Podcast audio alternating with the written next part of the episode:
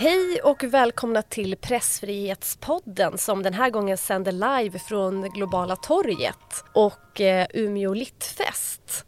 Eh, jag heter Siri Hill och med mig i vanlig ordning så har jag min kollega Erik Larsson. Hej Erik! Hej Siri! Temat för dagens avsnitt är pressfrihet och migration. Och med oss för att prata om det här så har vi Annika Strandhäll, socialdemokratisk riksdagsledamot och tidigare bland annat socialförsäkringsminister. Jajamän. Välkommen Annika! Tack så jättemycket! Jättekul att ha dig här.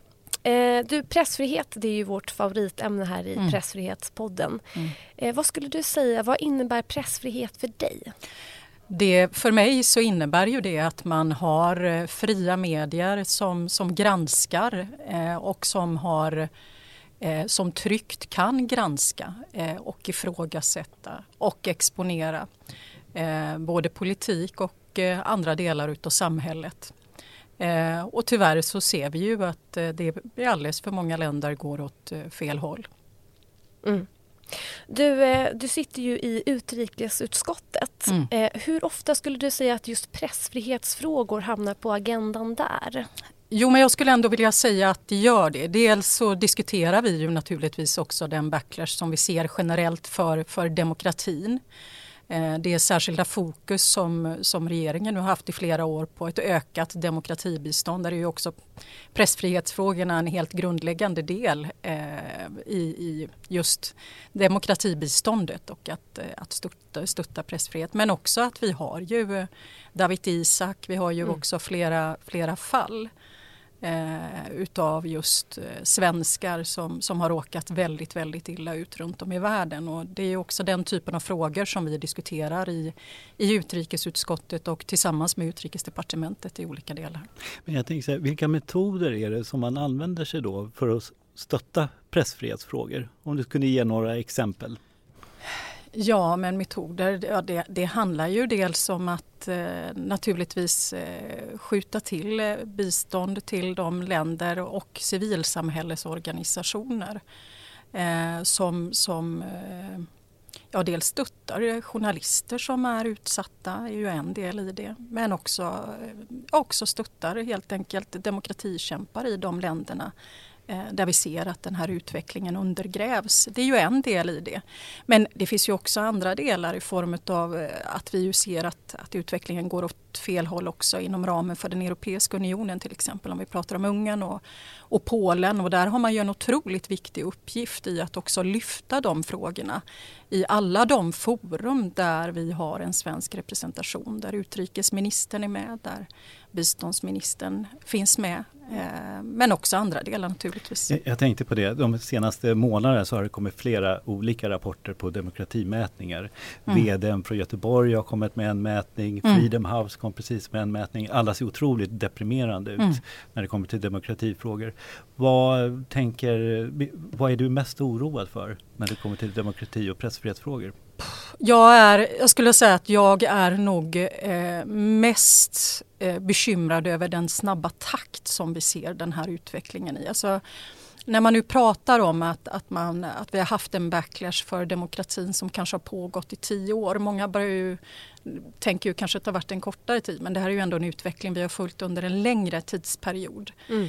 Eh, men också om man tittar på utvecklingen i Polen eller Ungern hur det i, i länder som trots allt vi uppfattar som en viktig del till exempel i den europeiska gemenskapen på, på väldigt, väldigt kort tid kan rulla tillbaks då viktiga demokratiska framsteg. Och framförallt att vi ser att, att den här typen av eh, nationalistiska, konservativa, auktoritära ledare eh, kommer just till makten med eh, demokratin som verktyg och sedan använder den plattformen för att rulla tillbaks demokratin.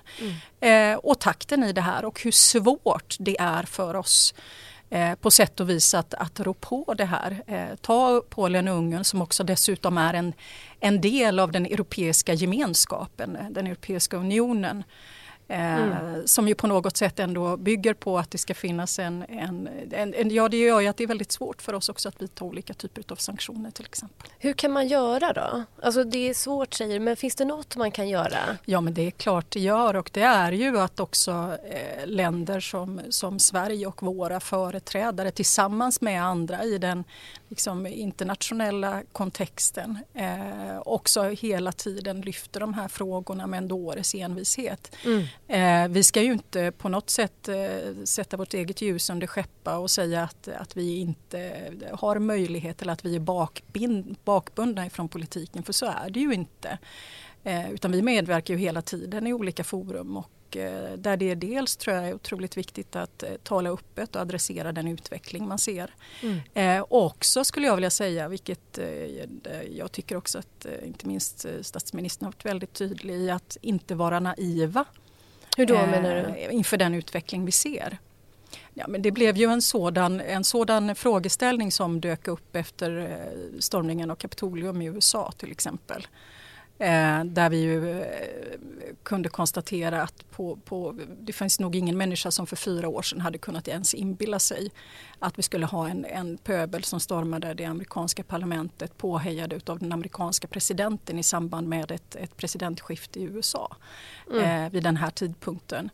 Eh, och då ställdes ju frågan på den svenska nivån att tror ni att det här skulle kunna hända i Sverige eh, till, till oss som är politiskt eh, aktiva? Och, där vårt svar var att ja, naturligtvis skulle det kunna göra det. Varför skulle vi vara immuna eh, jag, mot den här Jag skulle vilja återknyta till, till en sak. Eh, mm. för att vi vet ju att det finns en konflikt kring public service i Sverige. Ja. Eller konflikt, att det finns olika uppfattningar om hur mycket, ja. hur mycket pengar public service ska ha bland annat. Mm. Och vilket uppdrag det ska ha. Eh, när du pratar om pressstöd i andra länder finns det olika uppfattningar om det också? Hur man ska stöda, eller stödja pressfrihet i andra länder i utrikesutskottet? Eller är det här bara främst en svensk debatt? Jag skulle vilja säga att, att den debatten förs åtminstone inte där på det sättet. Det skulle jag nog vill, kanske i sådana fall eh, vilja säga att det nog förs mer till exempel i kulturutskottet där det här har varit brännheta frågor. Men vad som ju är eh, otroligt viktigt tycker jag att adressera det är ju den snabba förflyttningen i debatten kring public service som vi har sett i Sverige till exempel. Eh, och när man då tittar på andra länder där man eh, då har fått den här typen av auktoritära och populistiska ledare så har man ju sett en precis motsvarande utveckling som den vi ser nu i Sverige. Nämligen att ja, så först så började det med migrationsdebatten Eh, det, det, börjar sås eh, splittring och skapas osäkerheter och rädslor och ren des desinformation genom sociala medier och mm. alternativa mm. medier. Eh, och sedan dyker den debatten upp också i traditionell media och så trillar den in i politiken. Och jag tror att just att inte vara naiv inför den utveckling som vi ser eh, och tro att det är någonting som bara uppstått av, av sig självt på något sätt. Utan det är klart att det också finns en, ett politiskt agendasättande i att frågasätta, eh, ifrågasätta public service nu. Och inte bara public service skulle jag vilja säga utan även det eh, finns ju även andra medier i Sverige som ifrågasätts eh, om, om det är så att man för fram eh, synpunkter som anses gå stick i stäv med det som förs fram i våra alternativa medier. Mm. Eh, vad tänker du? Eh, jag tänker nu så pratar vi om liksom pressfriheten i Sverige. Hur tycker du att man ska göra för att journalister i Sverige ska känna att de har möjlighet, utrymme, eh, mod att eh, granska makten till exempel. Det är ju en hö ett högt tonläge och eh, ja, hatet och hoten mot journalister i Sverige också blir ju ett större problem. Det är en fullständigt absurd situation för en, en hel del journalister idag. Framförallt skulle jag vilja säga att, att det handlar ju... Min, min upplevelse är ju att eh, inte minst till exempel eh, kvinnliga ledarskribenter många gånger eh, hamnar extremt tufft till. Eh, och att det förekommer ju hot eh, och hat på ett sätt som vilken människa som helst oavsett eh, liksom, eh, alldeles särskilt om man är journalist så är det ett kraftfullt hot mot demokratin. Och vad som ju är väldigt viktigt det är ju att, att, eh, att inte minst politiken i alla dess delar står upp för den granskande makten och står upp för, för den fria journalistikens otroligt viktiga roll eh, i vårt samhälle eh, mm. på, ett, på ett mycket, mycket tydligt sätt. Eh, jag har någon gång fått frågan, jag har ju, jag har ju varit granskad en och annan gång eh, och eh, eh, måste ju ändå säga det att under de åren som jag har verkat eh, på, på den nationella nivån politiskt så har ju min insikt om eh, den fria journalistikens roll snarare djupnat och accentuerats. Det är inte alltid bekvämt. Mm. Men det har ju verkligen eh, understrukit behovet utav en fri granskande press. Eh, även som sagt var man alltid när man sitter på andra änden i politiken kan tycka att det känns obekvämt men ta, ta Transportstyrelsen eller ta, alltså det, eh, granskningen av Riksrevisionen som gjordes. Ja, men alltså, det är otroligt viktigt ur ett demokratiskt perspektiv. Och det behöver ju verkligen eh, svenska politiker stå upp för nu. Inte minst när vi då har ett, ett eh, ja, det kan jag säga åtminstone, så ett parti som Sverigedemokraterna som, som vill någonting annat. Det är åtminstone min uppfattning. Som politiker i utrikesutskottet så kommer du i kontakt med politiker i andra länder. Alltså, om du skulle Eh, berätta lite grann om vilken syn som finns på pressfriheten runt omkring i, i andra länder. Vad, vad tänker du då? Ja, men eh, åter, återigen så, så är det ju ofta så att, eh, att när man talar med politiker i, i, i, andra länder eller för den delen granskar eh, den politiska utvecklingen i andra länder så, så är det ju oftast i relation till pressfriheten floskeltopp. Va? Eh, som levereras om hur viktigt det är med, med fri press och det ena med det andra. Men de facto måste man ju se vad som sker. Eh, apropå då möjligheten att, att kunna verka fritt som journalist, att kunna göra det utan att utsättas för, för hot och hat. Eh, eh och få den typen av både politiska åtgärder och diskussioner som faktiskt undergräver demokratin. Men eh, det har varit flera fall där eh, olika ambassadörer från olika länder har gått mm. på svenska journalister oh ja. ganska hårt. Eh, får ni information om det här i utrikesutskottet? Liksom, alltså Definitivt. Vilka... Definitivt. Nu, nu, får du släppa de eh, saftigaste ja. bitarna här. Nej men det, så är det naturligtvis och det är också frågor som diskuteras i utrikesutskottet eh, när sådant sker det, det, det kommer definitivt upp. Är det någonting du kan berätta för oss? Ja, vi brukar ju säga det att vi håller liksom detaljdiskussionerna de håller vi eh, så långt som möjligt eh, ändå i, i utskottet. Men, men det är klart att det, den typen av eh, frågor påverkar till exempel de de utskottsbetänkanden och annat som sen kommer ifrån utrikesutskottet. Och det här är ju också ett utslag för eh, den liksom, demokratiska backlash som vi ser. Eh, det får vi inte glömma ifrån länder som känner att man har ett allt större utrymme att kunna ta sig den typen av friheter. Och sen så, så tänker jag ändå bara när vi pratar om, om, om pressfrihet och, och eh, den demokratiska utvecklingen. Eh, hur enormt allvarligt det egentligen är när man tittar på, på eh, det exempel som Donald Trump har satt som USAs president de senaste åren och hur man har behandlat eh, stora seriösa medier eh, mm. och vad det öppnar upp för. Både i, i, i vanligt folks tankar när det gäller synen på, på Eh, Eh, på medier och, och journalistik. Eh, men också naturligtvis en signal till andra länder vad som är okej att göra. Mm, mm. Eh, vi har ju varit inne på det här liksom, vikten av att journalister kan göra sitt jobb, granska makten. Det kan ju leda till stora genombrott. Mm. Eh, journalisterna Johan Persson och Anna Roxvall har ju släppt en reportagebok mm. till varje mm. pris som vi ska prata om lite mm. senare. Ja, som har lett till en jättedebatt inte minst inom EUs migrationspolitik. Då. Um, och I den här boken avslöjas hur länder längs de afrikanska migrationsrutterna i utbyte mot uh, både bistånd och andra typer av investeringar får i uppdrag att hålla gränsen mot Europa och ta tillbaka mm. um, migranter som har nekats asyl i EU mm. till exempel.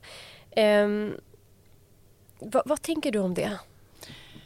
Ja, vad ska man ens tänka om det? Jag, kan, jag tänker så här att jag, inte, jag är ju naturligtvis inte det minsta förvånad mm. eh, över detta med tanke på hur den migrationspolitiska debatten i EU har gått mm. eh, på senare år. Vår före detta arbetsminister är ju ansvarig eh, i, i kommissionär för, för frågorna.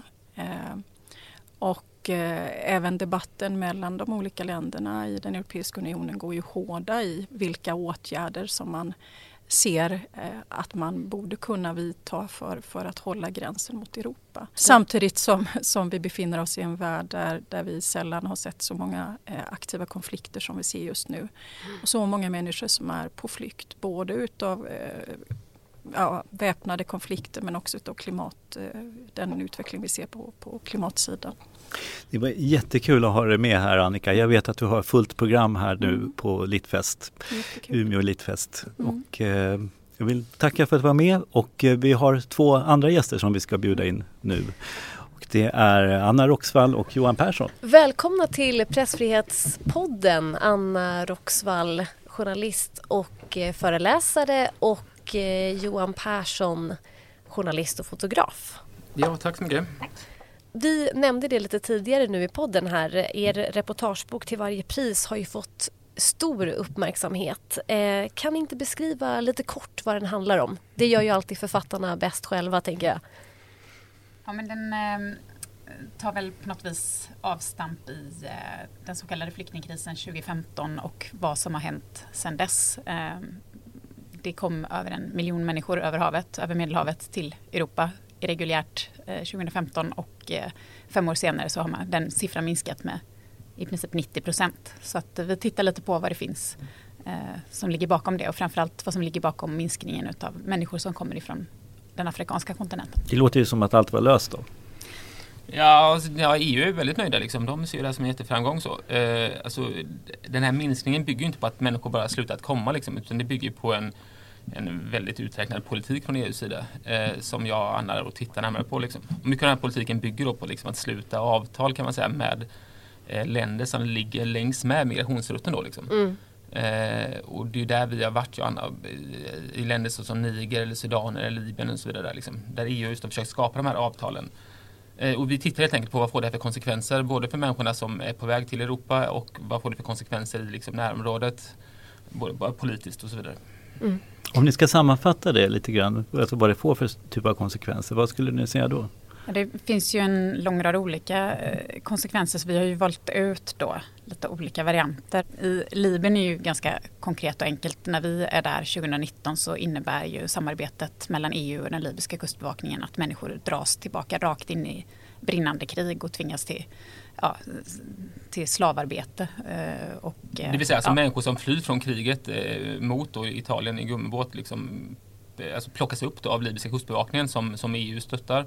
Både när det kommer till utbildning och, och pengar och så vidare, liksom, men även att man stöttar dem genom att ha liksom, övervakningsflyg i luften. Då, liksom. Så, fort man ser en gummibåt med människor, man patrullerar havet helt enkelt från luften, eh, Eh, så medlar man libyerna då liksom, koordinater så åker de ut och plockar in dem.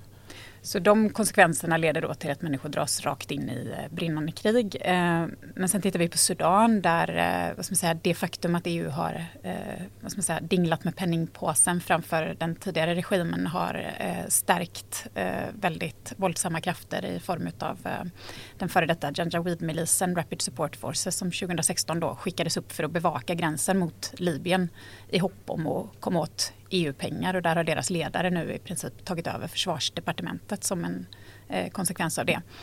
Och sen så är vi ju då i Niger där man, mm. som är ett sånt transitland som en väldigt stor del av den västafrikanska migrationen har gått igenom och där har man ju då pumpat in pengar rakt in i staten för att man ska vad ska man säga, snöra åt den här knutpunkten Agadez så att, eh, och helt enkelt göra det olagligt för människor att, att transportera sig upp mot Libyen. Ja, man har mer eller mindre fått eh, Niger att skapa en lag kan man säga som gör att det är olagligt för människor att transportera sig norr om då Agadez då, som är den här sista liksom, eh, posten innan Saharaöknen och ja, vägen upp sen då norrut mot Libyen.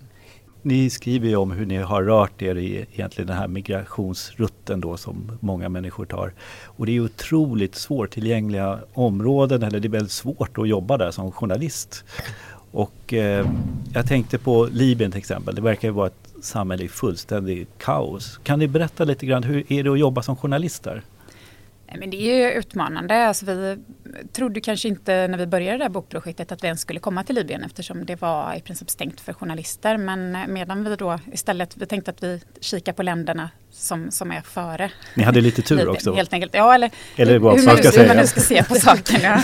Eh, men medan då som vi är i Niger då som första land så utvecklas ju det ett inbördeskrig i eh, Libyen som gör att eh, den lilla svaga centralmakten där vill ha in journalister för att helt enkelt rapportera om situationen. Så att då mm. plötsligt så lossnade det.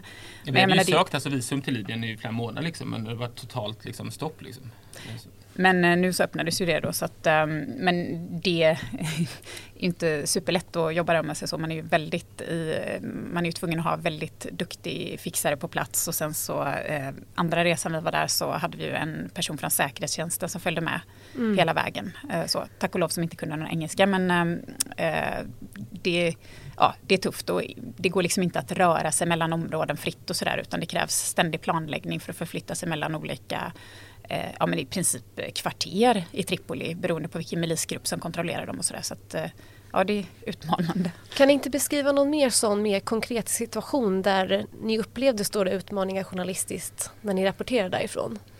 Men framförallt om man ska liksom ta sig till platser utanför centrala Tripoli liksom, så krävs ju det liksom kanske flera dagars förberedelse. Liksom. Du måste se till att förankra då att, vi, alltså att var man ska åka någonstans liksom, så att man när man kommer dit så ska man bli med liksom, eh, mött så att säga av, av folk som har kontakter där liksom, så att man signalerar till alla liksom, att, ja, men att här är de här två svenska journalisterna men de eh, har liksom någon form av clearance då genom att man blir mött av liksom, den lokala milisen eller alltså de som har känningar där så att säga. Liksom, så man mer eller mindre eskorteras. Liksom. När man kommer till ett nytt område så möts man upp av en ny bil där som, som tar en vidare så att säga. Liksom. Så man kan liksom inte bara braka rakt in. Liksom. Eh, utan det krävs väldigt mycket liksom, förarbete för att göra den typen av liksom, ja, förflyttningar säkert. Och så. Mm. Jag, jag, tänker på en fråga som har att göra lite grann med möjligheten att rapportera från den här typen av zoner. Och det, hur gör ni när ni ska verifiera uppgifter som ni har fått? Alltså, man kan ju möta väldigt många vittnesmål men hur, hur tänker ni i de frågorna? Liksom så här, för att veta att det den här personen säger är sant? Nej, men det är viktigt att ställa frågor om saker som går att eh, dubbelkolla senare. Vi bandar ju alla intervjuer så att vi kan eh, kolla med eh, andra översättare sen så att ingenting försvinner i översättningen till exempel.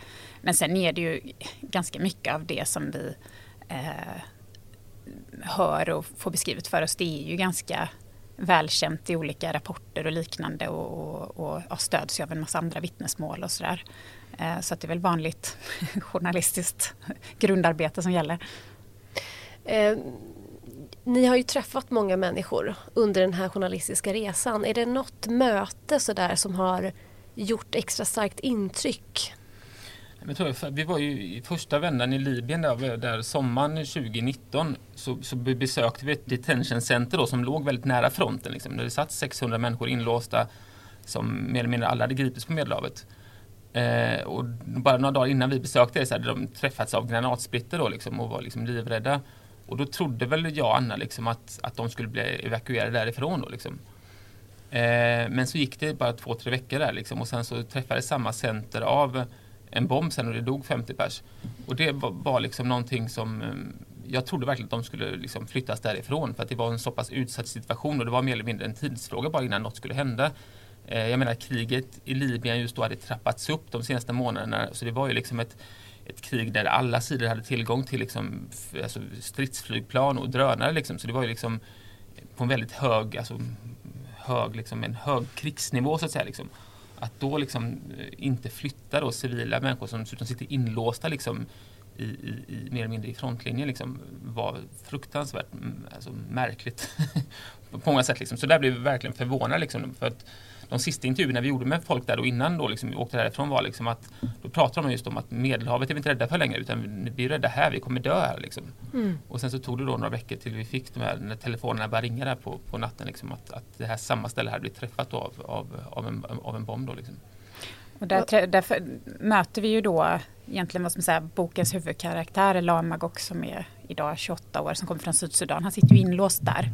Eh, och vi reser tillbaka sen då efter att den här bomben har träffat det här centret för att se om vi kan hitta honom igen. Vi vet inte om han har överlevt. Eh, men vi finner honom och sen så ja, håller vi kvar i honom och följer hans öde ut på Medelhavet och eh, där han grips av libyska kustbevakningen efter att ha övervakats av ett eh, e EU-flygplan som har tipsat libyerna om koordinaterna på hans gummibåt och så förs han tillbaka då rakt in i eh, nytt förvar och hamnar till slut på Tripolis flygplats där han tvingas till slavarbete för en milis som jobbar för den libyska staten. Jag tycker er bok var jätteintressant för den gav en inblick i en situation som oftast inte skildras så mycket i svenska medier. Eh, och eh, alltså situationer hur de här flyktingarna har det på väg till Sverige. Eh, och jag vet inte, ni har säkert läst massa utländska medier. Hur, hur, ser det ut i andra länder? Skildrar man det här eh, det, i andra länder? det är klart det finns en helt annan liksom, bevakning i fransk media kanske, eller tysk media har ju också varit duktiga. Liksom så. Men, eh, men det är ju som sagt svåra områden. Liksom, och sen har det varit så mycket annat, vet, hur det är, så här, vet, amerikanska, amerikansk politik, corona och så vidare. Liksom, så det är mycket annat som kommer i vägen. Men framförallt också många av de här områdena är fruktansvärt svårtillgängliga. Liksom. Eh, när man pratar om egentligen hela Sahelområdet, liksom, att det är väldigt liksom, dyrt och farligt helt enkelt för, för journalister att röra sig där. Liksom. Men vi kände väl att det vi saknade var väl det här helhetsgreppet. Alltså du hör om Libyen kanske, du hör om Niger, du hör om Sudan men vi ville liksom koppla ihop de här och, och, och titta på på hela den här biten för att det här är ju någonting som EU eh, uttalat vill fortsätta med att sluta den här sortens avtal och att eh, på olika sätt betala pengar till stater längs med migrationsrutterna för att de ska hålla tillbaka sina egna medborgare eller människor som är på väg genom landet. Så att det här kommer vi se mer av de närmaste åren och då kände vi att då behöver vi ta ett helhetsgrepp och, och, och kika på vad det är får för konsekvenser också. Och det handlar inte bara om pengar, rena pengar utan det kan vara betalning i politiskt stöd liksom, eller politisk legitimitet och så vidare liksom, som, som gör att det blir liksom, eh, där auktoritära regimer alltså, riskeras liksom att bli ännu starkare. Då. Jag, jag vill gärna komma in på det lite grann för att eh, i det här fallet så är det ju EUs biståndspengar till stor del som går till auktoritära stater och Sverige är ju en del av EUs ja, man kan säga att den svenska utrikespolitiken och EUs i vissa fall, eh, man driver samma typ av politik. Hur tänker ni kring Sveriges roll i det här? Men Sverige är ju en del, alltså EU är ju inget liksom eh, själv... EU eh, e är ju liksom ingen autonomisk liksom, politisk kraft utan det består av 28 medlemsländer som för en politik där Sverige är en, en del så att säga. Liksom. Mm. Vad tänker du Anna? Nej men jag tänker att det är väl, eh, det finns ju idag egentligen inte riktigt någon som starkt ifrågasätter den förda politiken överhuvudtaget. Sverige har varit väldigt tyst i, i sin kritik av den och, och, så vidare så att eh, det är väl på något vis alla är väl överens om att eh, vi måste ha ner antalet människor som kommer reguljärt till Europa och eh, ja, det, det får kosta helt enkelt. Mm. Jag tänker, er bok har ju fått eh, ringar på vattnet, inte minst, eller i, i viss mån i alla fall, eh, politiskt i Sverige. Bara för några dagar sedan så överlämnade Vänsterpartiets Kristina Höj Larsen en interpellation där er reportagebok nämns. Vad tänkte ni när ni såg det? Ja, men det är väl en förhoppning, alltså vi har ju sagt att vi är ju vi är ju journalister, vi beskriver verkligheten som vi ser det och sen är det ju faktiskt politikens eh, uppgift att förändra den om man inte tycker om det man ser. Eh, så att vi, vi håller oss ju där men vi vill ju väldigt gärna att eh, den här boken ska vara ett underlag för en debatt. Det är inte ett debattinlägg utan ett underlag helt enkelt som vi har saknat. Så att, eh, sen får folk dra vilka slutsatser de vill av det egentligen men vi vill gärna att man man diskuterar för att eh, det här är en, en, fråga som har fått otroligt lite fokus. Eh, så, särskilt migrationen från Afrika har ju varit väldigt, som säga, det har varit väldigt tyst om den i debatten överhuvudtaget. Mm. Får man fråga också vad är nästa projekt? Är det något ni kan dela med er eller? Ja, alltså, vi, vi har massa planer och så men det, hela corona-hallojet mm, eh, har ju gjort att det är svårt att röra på sig. Liksom. Eh, men vi hoppas att vi kommer kunna börja liksom, röra på oss igen till, till hösten. Liksom. Så vi sitter och tittar på massa olika saker. Jag, jag sitter och läser rätt mycket just nu om Jemen som jag tycker är fruktansvärt intressant. Hela konflikten där liksom. Sen har vi ju eh, konflikten i Etiopien som har totalt spårat ur. Liksom. Så, så det finns ju jättemycket saker som, som händer runt om i världen som hade varit superintressant att, att titta närmare på. Men våra böcker brukar liksom skriva sig själva medan vi arbetar med dem så att eh, det brukar utkristallisera sig utan att man riktigt vet jag tycker vem, nästan det låter som, lå, låter som att det har bör, börjat något där på dig Johan, eller? Ja visst, nej, men man sitter ju, nej, men det, det sker ju jättemycket saker nu som har fått liksom eh, hamnat i jättemediaskugga såklart på grund av både pandemin liksom och eh, amerikanska val och så vidare. Så, så, så det, är ju, men det finns ju tusen saker att titta på liksom. Men oftast när vi kikar på grejer så tittar vi på vad det är ingen annan tittar på. Det är väl det. grundläggande för det som vi jobbar med. Och framförallt också alltså, titta på ämnen där, liksom, där vi visar på liksom, att, att hur vi agerar här i väst kanske får eh, påverka människor liksom, hundratals mil härifrån liksom, där besluten tas. Liksom. Ehm, det finns människor ute i öknarna och på Medelhavet som har påverkats enormt mycket av den förda politiken från EU. Liksom. Och, och då, det är ju de som vi vill ge röst. Liksom. Det är därför vi jobbar med det här. Mm. Stort tack Anna Roxvall och Johan Persson för att ni ville vara med idag. Tack ja, tack så mycket för att vi fick komma. Tack. Tack också Palmecentret och Umeå Littfest för att vi fick möjlighet att podda hos er. Jag heter Siri Hill. Och jag heter Erik Larsson. Stort tack för oss.